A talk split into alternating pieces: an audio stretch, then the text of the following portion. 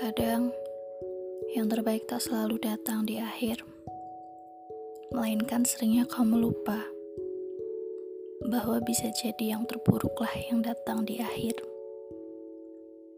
Seperti saat ini, kamu sedang menyanyiakan yang terbaik. Bisa jadi kamu memang sedang menyisakan yang terburuk. Kalau memang saat itu tiba, memanglah di antara kita saat ini sedang melengkapi.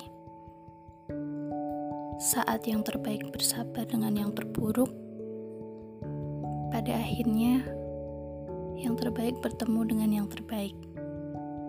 Yang terburuk akan bertemu dengan yang terburuk. Karena Tuhan selalu adil.